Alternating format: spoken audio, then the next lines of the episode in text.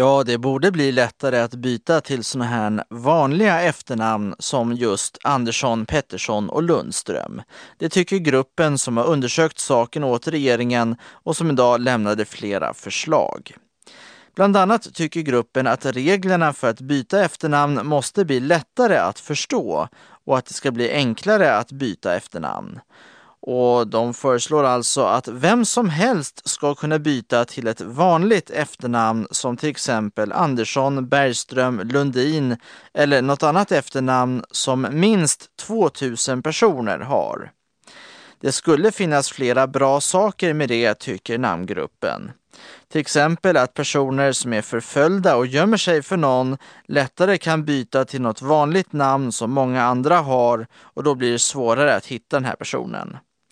Det kan också vara bra för en del personer med utländska efternamn att lättare kunna byta om de vill, säger Olle Abrahamsson från namngruppen. Så sent som i förra månaden kom det en studie från Lunds universitet som visade att eh, personer med typiskt svenska namn har 50 procent större chans att bli kallade till anställningsintervju.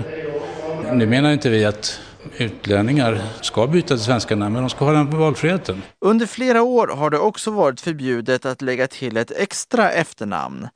Men det borde bli tillåtet igen, tycker namngruppen, så att par till exempel kan bilda nya dubbelefternamn när de gifter sig. Då skulle de kunna heta till exempel Lundström Johansson eller Dahlberg Koskinen.